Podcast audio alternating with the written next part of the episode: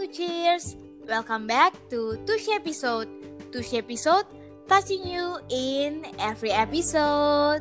Ketemu lagi nih bareng aku Restalia di Shining episode keempat kali ini.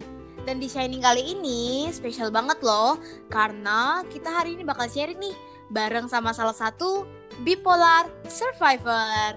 Langsung aja nih kita kenalan sama survivor kita hari ini. Halo Kak. Halo Kak, perkenalkan aku Teresia Kinara, biasa dipanggil Rere.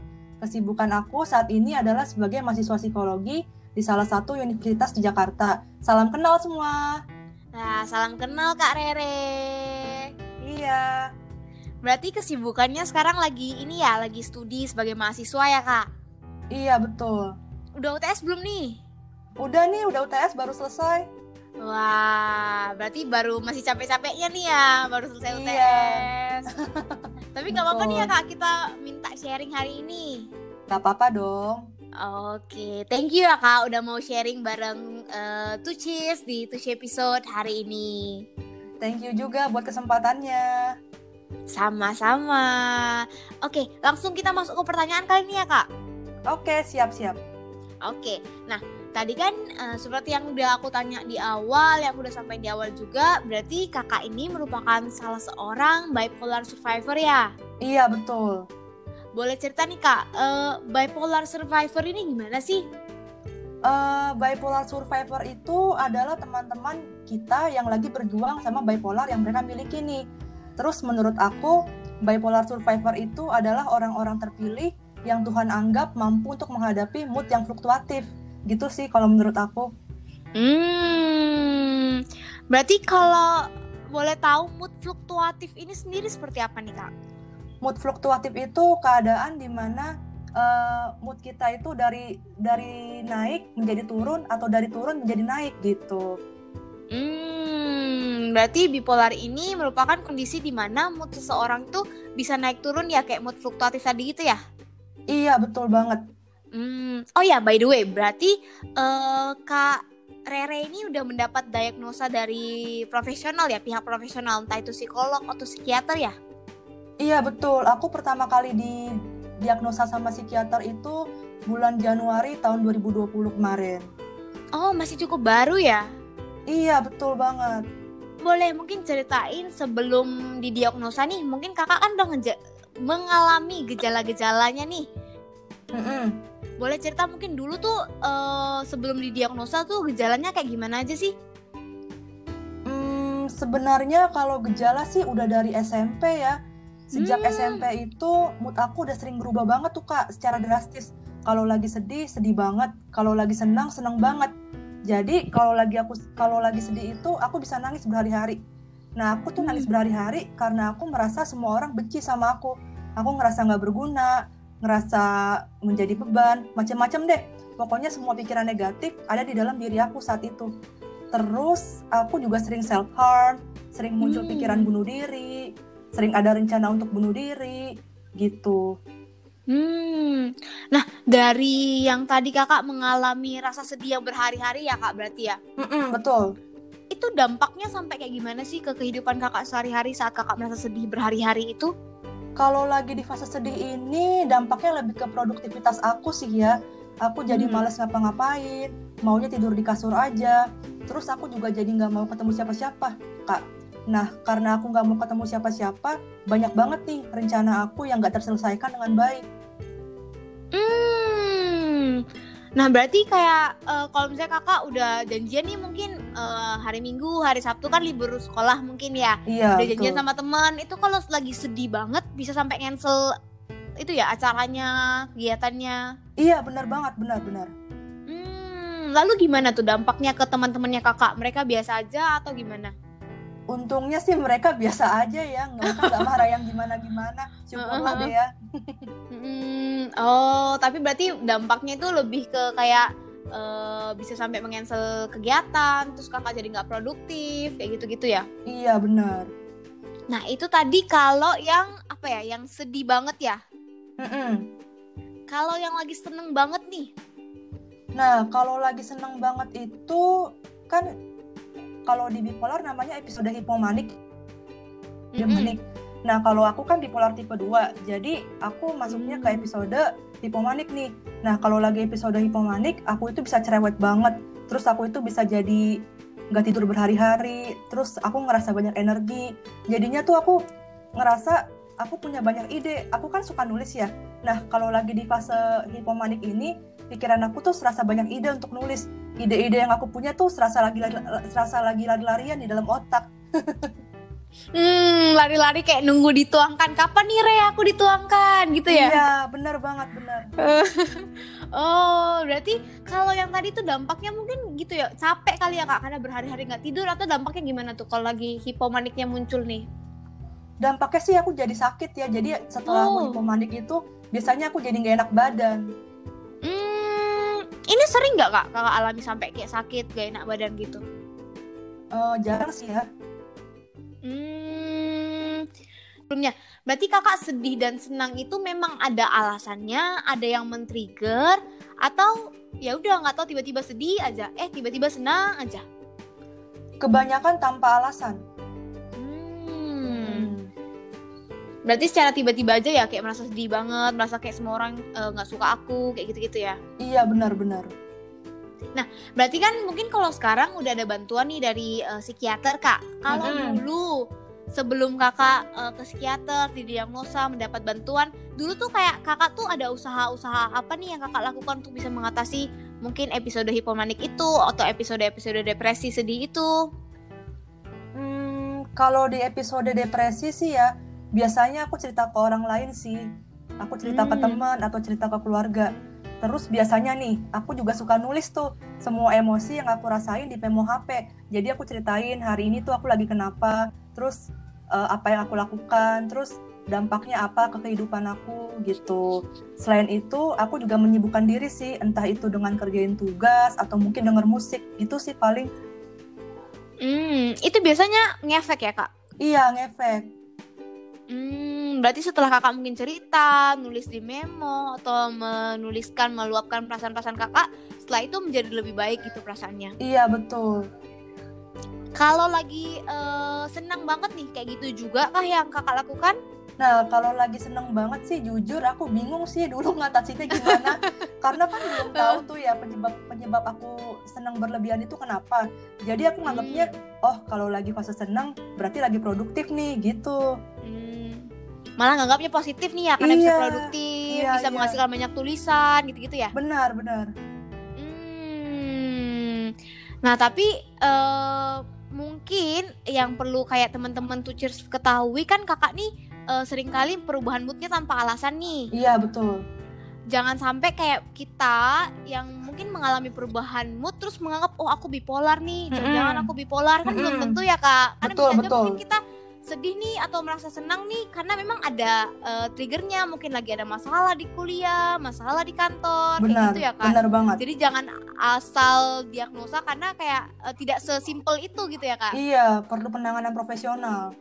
Hmm, nah terkait penanganan profesional itu Mm-mm. dulu kan kakak cerita tadi kakak cerita tuh eh, kakak udah ngalamin gejala-gejala ini mulai dari SMP nih seingat kakak ya. Iya, betul. Nah kenapa kakak baru memberanikan diri atau mulai reach eh, psikiater ini eh, awal 2020 kemarin? eh ken- kema- kenapa aku baru red psikiater itu tahun 2020 karena waktu aku SMP itu eh, pertama aku belum punya belum punya channel untuk ke, ke psikiater tuh gimana sih? Ke psikolog tuh Hmm. gimana sih gitu. Terus terkait biaya juga kan. Kalau ke psikolog itu kan butuh biaya nah jadi Hmm. karena aku masih SMP lah ya belum punya Mhm. tabungan yang gimana-gimana jadi aku memutuskan untuk gak ke psikolog dulu deh gitu Hmm. Lalu yang menjadi turning point kakak sehingga oh aku kayaknya udah bisa nih ke cari pertolongan dari psikolog ataupun kakak kan psikiater itu apa nih yang menyebabkan kakak eh, berani untuk eh, pergi ke psikolog ke psikiater itu? Nah, pertama kali itu kan aku ke psikolog ya, baru ke psikiater. Mm-mm. Nah, waktu aku ke psikolog itu kan aku waktu kuliah. Jadi pertama, jadi waktu itu aku lagi ada di fase sedih nih. Nah, Mm-mm. di fase sedih ini aku muncul keinginan untuk bunuh diri. Waktu itu Hmm. aku ada rencana buat mau nabrakin diri di jalan. Aku langsung mikir kan, Ah. wah nggak beres nih. gimana kalau rencana tadi beneran terrealisasi kan bahaya ya akhirnya Mm-mm. karena hal itu aku memutuskan untuk ke psikolog karena aku nggak mau nih ada hal buruk terjadi sama aku gitu Hmm. Oh berarti itu alasannya personal gitu ya? Karena dari kakak sendiri mikir, oh jangan sampai ini makin parah nih, terus nanti jangan sampai aku bener-bener menabrakkan diri ke sesuatu gitu ya? iya benar banget Hmm, dan kebetulan kakak juga mahasiswa psikologi ya, jadi mungkin ada Iya. channel nih ke psikolog. iya iya benar Hmm. Nah berarti eh, berarti kan self harm ini, ah self harm, keinginan bunuh diri ini maksud saya eh, bukan pertama kali muncul kemarin dong, Mm-mm. yang pas berarti sebelum sebelumnya sudah muncul. Nah itu biasa kakak gimana nih biar jangan sampai bener-bener melakukan bunuh diri itu? Eh, biasanya sih aku aku inget ya kayak misalnya ada keluarga yang selalu support Hmm. aku. Jadi kalau misalnya aku bunuh diri berarti aku udah mengecewakan keluarga dong atau mengecewakan orang-orang yang sayang sama aku. Gitu sih. Hmm, jadi lebih ke eh, merubah kognitif kakak, merubah pola pikir ya. Kalau aku eh, bunuh diri, kasihan keluarga, kasihan keluarga yang udah sayang, mau support kakak gitu ya. Betul. Hmm. Nah, lalu saat udah mulai ke psikolog nih, ke psikiater, kan dulu ke Mm-mm. psikolog, terus ke psikiater. Mm-mm. Nah, itu eh, perubahan apa sih yang kakak alami? Pertolongan apa yang kakak dapatkan? Kayak gitu-gitu gimana? eh dari psikolog itu kan aku di refer ke psikiater ya. Jadi sekarang aku Mm-mm. rutin ke psikiater nih. Mm-mm. Nah, perubahan yang aku alami selama rutin ke psikiater itu banyak. Aku yang tadinya suka self harm untuk coping sama masalahku, sekarang jadi bisa tahu nih macam-macam strategi coping yang baik untuk masalah aku. Terus aku juga jadi tahu akar-akar masalahku tuh sebenarnya apa aja sih gitu. Hmm, boleh cerita mungkin kak dikit strategi coping apa yang diajarin sama psikiaternya yang memang buat kakak sendiri tuh personally oh berdampak nih ngefek nih strategi coping ini. Ah, yang paling berdampak itu kalau misalnya mau self harm, psikiater aku bilang coba cuci muka pakai air dingin. iya, jadi jadi supaya badan kita itu ngerasain sensasi yang beda gitu. Terus sudah Hmm. terus bisa juga kalau misalnya muncul keinginan self harm eh, bisa juga nulis eh sorry bisa juga gambar kupu-kupu di nadi tangan gitu. Hmm. Jadi apa ya namanya tuh ya? Oh ya butterfly project. Hmm. Apakah itu kayak yang aku pernah dengar nih kak? Mm-mm. Apakah mungkin karena kan kalau self harm tuh biasanya kan berani nih melukai diri sendiri tapi nggak mau ngelukain orang lain. Mm-mm. Jadi kalau ada kupu-kupu di tangan tuh jadi kayak aduh kasihan ya kalau kupu-kupunya dilukain kayak gitu ya. Iya betul. Hmm, jadi mungkin buat two cheers yang mungkin sempet nih ada keinginan untuk melakukan self harm bisa nih mungkin kalau lagi muncul pemikiran itu mem- me- apa ya tadi kak menyiramkan dengan Oh. air dingin ya Betul betul menyeramkan. ataupun menggambar eh, kupu-kupu di daerah-daerah yang biasa em, di self harming atau mungkin di tangan di mana kayak gitu ya. Iya betul bisa bisa juga seperti itu. Nah berarti eh, dengan strategi coping ini kakak udah mulai anu nih ya, udah mulai survive, udah mulai membaik. Iya Iya. syukurlah sih ya udah mulai Mm-mm. udah mulai ada kemajuan sih. Aku dulu aku dulu tuh sempat sempat rawat inap di rumah sakit di bangsal psikiatri karena percobaan bunuh diri. Nah Oh, mm-mm. seka- sekarang sih syukurnya aku udah mulai nggak ada pemikiran bunuh diri tuh udah nggak ada lagi. Terus pemikiran untuk self harm juga nggak ada lagi. Untungnya sih ya. wah bersyukur banget nih ya kak. Iya bersyukur banget. Hmm, berarti kalau memang lagi ada eh, kondisi-kondisi seperti yang kakak sampaikan tadi, misalnya kayak eh, seneng-seneng banget nih, terus tiba-tiba sedih-sedih banget, penting banget nih untuk cari pertolongan ya kak. Betul, penting banget untuk menca untuk aware sama diri kita. Jadi kita Hmm. perlu aware nih, kita lagi kenapa sih, emosi apa yang kita rasakan. Nah, kalau emosi-emosi tersebut dirasa sudah mengganggu, kita perlu juga untuk memeriksakan diri kita ke profesional. Karena kalau misalnya kita nggak memeriksakan diri kita ke profesional, kita akan otomatis kita akan jadi bingung gitu harus ngapain gitu. Dan jangan sampai jadinya self diagnose nih ya kak. Iya benar, jangan sampai self diagnose. Hmm, iya benar banget sih. Nah, terus em, selanjutnya nih, kan tadi kakak udah cerita, berarti kan udah ngalamin banyak perubahan nih. selain itu mungkin uh, apakah ada support system nih? Tadi kan kakak bilang salah satu yang menahan kakak biar nggak melakukan bunuh diri itu karena nginget soal keluarga nih. Boleh cerita mungkin support system yang kakak dapatkan itu kayak gimana sih? Mungkin dari keluarga, dari teman? Support system itu pertama dari keluarga ya. Jadi uh, aku tuh selalu mikir, aduh kalau misalnya aku bunuh diri kasihan keluargaku karena selama ini keluargaku selalu nemenin aku ke psikiater selalu nyiapin obat obat-obat psikiatri buat aku nah itu yang bikin aku bertahan sampai sekarang gitu jadi wah perjuangan mereka tuh udah sampai segininya loh masa aku mau nyanyain perjuangan mereka gitu hmm bener banget bener banget. Kalau dari temen nih mungkin ada support system tertentu? Iya kalau dari temen juga ada support system support system tertentu. Kalau dari temen itu yang aku dapat misalnya aku lagi ada di ah, lagi ada di episode depresi nih. Nah terus temen aku nawarin bantuan. Perlu aku bantu ngajarin nggak? Perlu aku bantu sesuatu nggak? Gitu.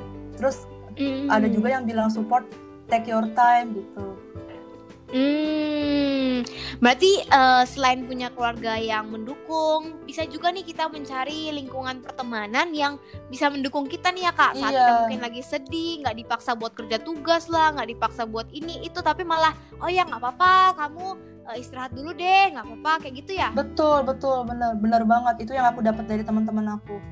Hmm, berarti bisa banget nih kita juga uh, mencari nih support system yang mana yang tepat, karena jangan sampai juga saat kita mencari-mencari support system jatuh ke support system yang kurang tepat terus malah menekan kita kayak gitu ya. Betul. Biar itu. Nah uh, oh ya oke. Okay. tadi kan kakak udah jelasin nih berarti kan kakak dapat support system dari keluarga dari temen ya? Betul. Nah mungkin sebelum support system itu mensupport mm -hmm. nih dulu saat awal pertama kali mereka mengetahui bahwa kakak nih ternyata uh, mengalami uh, bipolar ini nah itu uh, tanggapan dari mereka tuh gimana? Tanggapan dari mereka mendukung sih. Mereka bilang hmm. kalau misalnya ada apa-apa cerita aja, terus jangan khawatir ada kita kok kayak gitu-gitu sih. Nah dukungan-dukungan seperti itu yang bikin aku juga jadi semakin oh harus survive nih. Mereka mereka mereka ini mau bantu aku kok gitu. Hmm, yaitu seperti yang aku sampaikan tadi ya, penting banget nih untuk mendapatkan support system yang tetap mendukung kita, menerima kita apa adanya gitu ya Betul. By the way, thank you banget nih Kak Rere udah sharing banyak banget nih ya Kak. Sama-sama. Hari ini mungkin dari Kak Rere nih ada closing statement nih Kak. Mungkin ada saran buat survivor di luar sana, ada eh, kata-kata uh, juga mungkin buat tuh cheers pendengar hari ini. Uh, untuk survivor bipolar di luar sana tetap bertahan, karena kita semua kita semua ini berharga kita semua berharap kita semua berhak bahagia. Terus yang paling penting jangan takut untuk mencari bantuan karena pintu bantuan itu selalu ada. Yang jadi tugas kita adalah mencari bantuan itu dan mengetuknya. Terus untuk church di luar sana uh, pesan aku itu jangan pernah self diagnose karena untuk mendapatkan diagnosa psikologis itu butuh waktu yang panjang dan lama seperti itu. Gitu sih. Terus untuk teman-teman di luar sana aku mau ber, ber, mau berpesan untuk semangat terus buat bertahan gitu. Iya, penting banget ya bertahan. Apalagi iya. kayak kalau sudah ada keluarga, teman-teman yang selalu mendukung kita, harusnya kita uh, uh, menjadi lebih semangat nih ya Betul. Kak, biar bisa berjuang bertahan atas apa pun yang sedang kita alami saat ini. Betul. Wah, udah banyak banget nih informasi yang udah kita dapatkan ya tuh Cheers Mulai dari pengalaman Kak Rere Dari dulu awal banget hingga saat ini yang masih terus berjuang untuk bisa sembuh dari uh, bipolar yang dialami Dan dari sharing kita hari ini ada suatu hal yang penting banget sih menurut aku untuk dapat dipahami bahwa uh, perubahan mood yang terjadi ataupun mood swing selama belum mengganggu fungsi sosial seperti pertemanan kita ataupun aktivitas sehari-hari kita, hal itu merupakan sesuatu yang normal nih. Mungkin kayak tadi yang aku sampein, mungkin lagi stres aja, lagi ada masalah dan lain-lain. Jadi uh, jangan sampai nih kita mudah banget melakukan self diagnose dan menganggap ataupun mengatakan bahwa kita ini memiliki bipolar nih. Karena seperti contoh contoh-contoh yang Kak Rere ceritakan terkait gejala-gejala yang dialaminya, masih ada banyak banget loh gejala lain uh, selain mood swing itu yang harus terpenuhi dulu baru seseorang tuh bisa didiagnosa bahwa ia mengalami bipolar. Seperti kalau Kak Rere tadi tuh saat uh, mengalami hipomanik, Kak Rere bisa nih nggak tidur beberapa hari, produktif banget, ada banyak banget nih ide-ide yang berlarian di kepalanya. Lalu saat mengalami depresi atau episode-episode depresi ini, Kak Rere bisa banget nih sampai sedih berhari-hari tanpa alasan terus melakukan self harm hingga muncul banyak banget nih keinginan-keinginan untuk melakukan bunuh diri. Sehingga e, untuk diagnosa bipolar ini tentunya nggak sesimpel karena adanya mood swing doang tuh cheers. Namun kalau mood swing yang tuh cheers rasakan e, cukup mengganggu nih e, keseharian yang tuh cheers jalani Nah, boleh banget loh buat Tucirs untuk melakukan konsultasi ke pihak yang profesional untuk benar-benar ngecek apakah benar mengalami bipolar atau ada permasalahan lainnya. Dan mungkin kayak yang tadi Kak Raya cerita, mungkin kalau merasa, aduh aku nih nggak ada koneksi nih untuk cari bantuan ke psikolog. Nah, sekarang tuh udah gampang banget tuh Cheers untuk mencari bantuan pihak profesional khususnya psikolog. Karena kalian bisa langsung loh menghubungi Instagram Tushe di Tushe ID dan bisa langsung konsultasi bersama psikolog-psikolog di Tushe. Oke, akhir kata aku mau mengatakan dan mengucapkan banyak terima kasih buat Kak Rere yang udah mau sharing banyak banget hari ini. Thank you ya Kak. Dan buat tuh cheers yang masih pengen nih denger sharing-sharing dari Tushy episode lainnya, bisa langsung loh dengerin Tushy episode di Spotify. So, aku Restalia, aku pamit undur diri dulu. Don't forget to stay happy and healthy and see you on the next Tushy episode. Tushy episode touching you in every episode. Bye bye. Thank you, Kak.